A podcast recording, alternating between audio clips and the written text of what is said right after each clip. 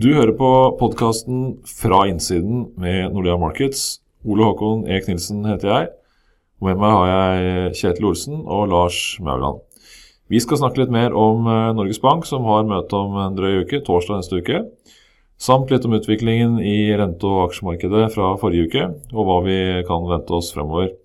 Eh, og Kjetil, eh, Norges Bank da som en drøy uke, hva kan vi forvente av meldinger derfra? Jeg tror det kommer en melding om at de ser på utsiktene som ganske uendra i forhold til det de så for seg i juni. I juni så overraska de en god del ved å være en del mer optimistisk enn de fleste hadde venta. Så de endra jo da renteutsiktene fra eh, å si at renta skulle være null nesten for evig, til å varsle en første renteheving i slutten av 2022. Det var fordi de oppjusterte bildet sitt av norsk økonomi kraftig. Fordi det hadde gått mye, mye bedre når de kom til juni. Gjennom sommeren så har utviklingen i norsk økonomi, sånn som vi vurderer det, vært ganske så identisk med det Norges Bank la til grunn i juni. Altså BNP-utviklingen har vært nesten nøyaktig der Norges Bank trodde den skulle være. Arbeidsledigheten har falt omtrent akkurat like fort, eller sakte, alt ettersom, um, som Norges Bank uh, venta. Så det er på en måte hovedgrunnen til at vi tror Norges Bank ligger rimelig i ro i forhold til å, å ikke endre sitt budskap noe særlig. Skjønner. Så dette er altså en sentralbank som eh, da den sto her i juni, forsto alt hva som kom til å skje eh, da vi står her i september, og traff med alt? Ja, den traff ikke med alt, men altså, den, de traff med det viktigste. Eh, og det er liksom utviklingen i arbeidsledigheten og aktiviteten i økonomien generelt. Den har vært ganske så identisk. Men det er jo noen småposter som på en måte har endra seg. F.eks. har inflasjonen, prisveksten, vært en god del høyere enn de venta. På den annen side så har kronekursen vært sterkere. Så der er det noen effekter som trekker i retning av litt raskere renteoppgang, andre effekter som trekker i retning av det motsatte. Oljeprisen har vært litt høyere. Så når vi summerer opp måte de faktorene da, eh, som trekker opp og ned, så, så om de ikke nuller hverandre helt ut, så er det nesten sånn at eh, vi ser egentlig ikke noen grunn til at Norges Bank nå skulle komme med noen noe, noe store overraskelser, egentlig. De var ganske flinke i juni, de var det. Men eh, både de og andre eh, har jo blitt overrasket over hvor sterkt boligmarkedet er.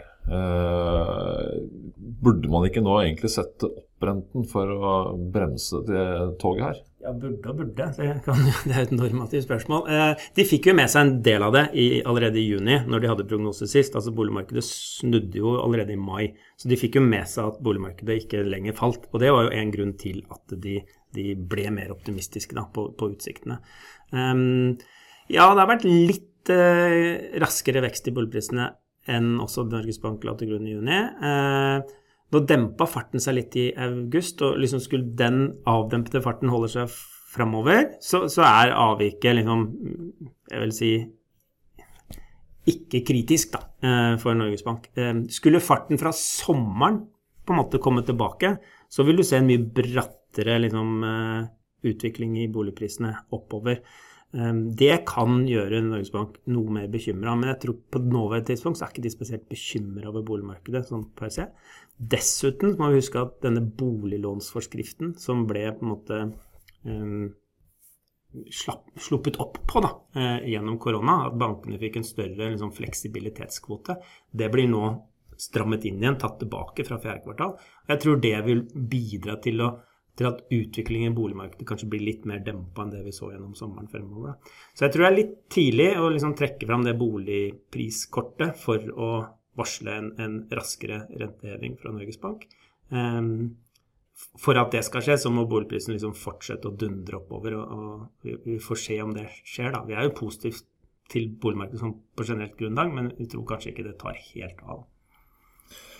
Skjønner. Så det vi kan eh, regne med, er egentlig en sentralbank som sier omtrent det samme som sist, eh, iallfall en eh, lignende bane, og på en måte er noenlunde fornøyd med den utviklingen den har sett. Eh, Lars, er rentemarkedet forberedt på noe sånt? Ja, ganske. Prisingen er ganske på linje med det Norges Bank har sett på seg, i hvert fall ut eh, 2022.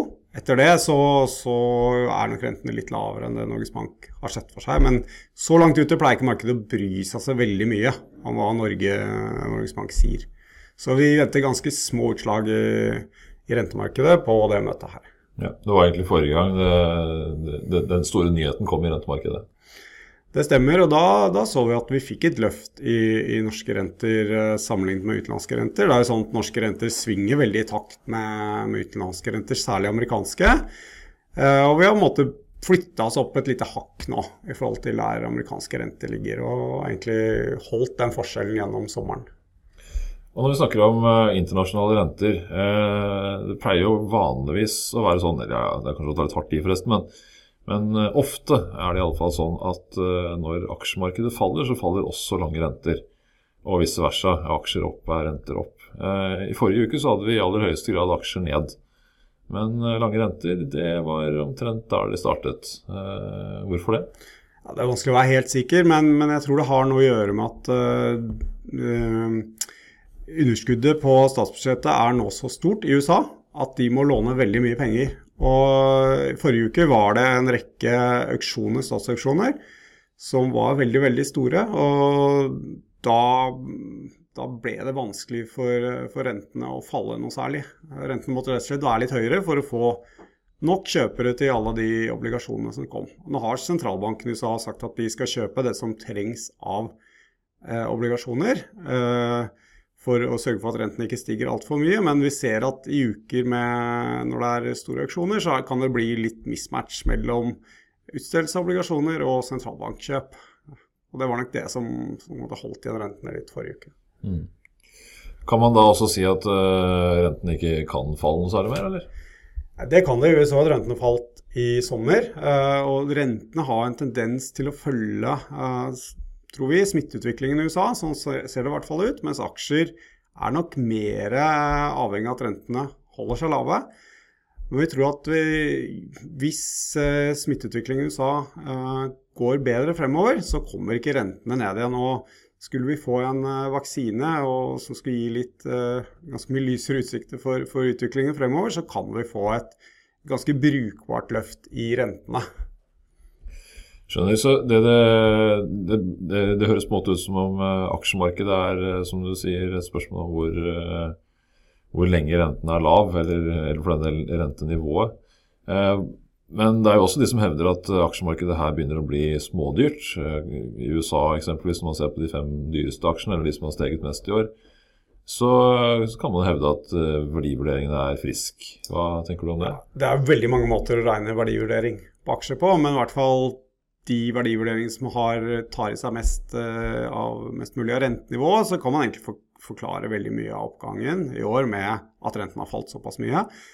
Uh, og så tar det ofte litt tid å prise inn sånne store renteendringer i markedet. og det er sånn at Aksjer faller ofte fort, og så stiger de litt sakte. Så jeg vil si at det er veldig sånn uavklart spørsmål på om aksjer er veldig dyre eller ikke.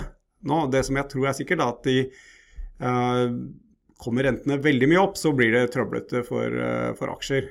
Med mindre det er støttet av en kjempeøkning i, i inntjeningen samtidig. Skjønner. Så for å oppsummere dette her litt. Eh, Norges Bank eh, er omtrent der de var forrige gang. De er kanskje litt overrasket over boligmarkedet, men det er ikke nok til at de endrer eh, prognosene sine særlig dramatisk. Eh, rentemarkedet bør ikke reagere så altfor mye på den type melding. Eh, det er nok mer et spørsmål om hva som foregår internasjonalt. Og i det internasjonale så har vi sett et eh, svakt aksjemarked. Men det er egentlig i all hovedsak det vi har sett også. Det utstedes ganske mye obligasjoner. De holder rentene noe tilbake mot nedsiden. Og det er særlig smittesituasjonen som driver renter. Aksjemarkedet i seg selv eh, har steget mye i år fordi rentene har falt, og det bedrer på et, på et vis eh, verdivurderingen, eller kan forsvare en høyere verdivurdering, om man, om man vil se det sånn. Eh, og Det var egentlig det vi hadde for denne gangen. Du har altså hørt på podkasten fra innsiden med Nordea Markets. Ole Håkon Erik Nilsen heter jeg, og med meg hadde jeg Lars Mauland og Kjetil Olsen.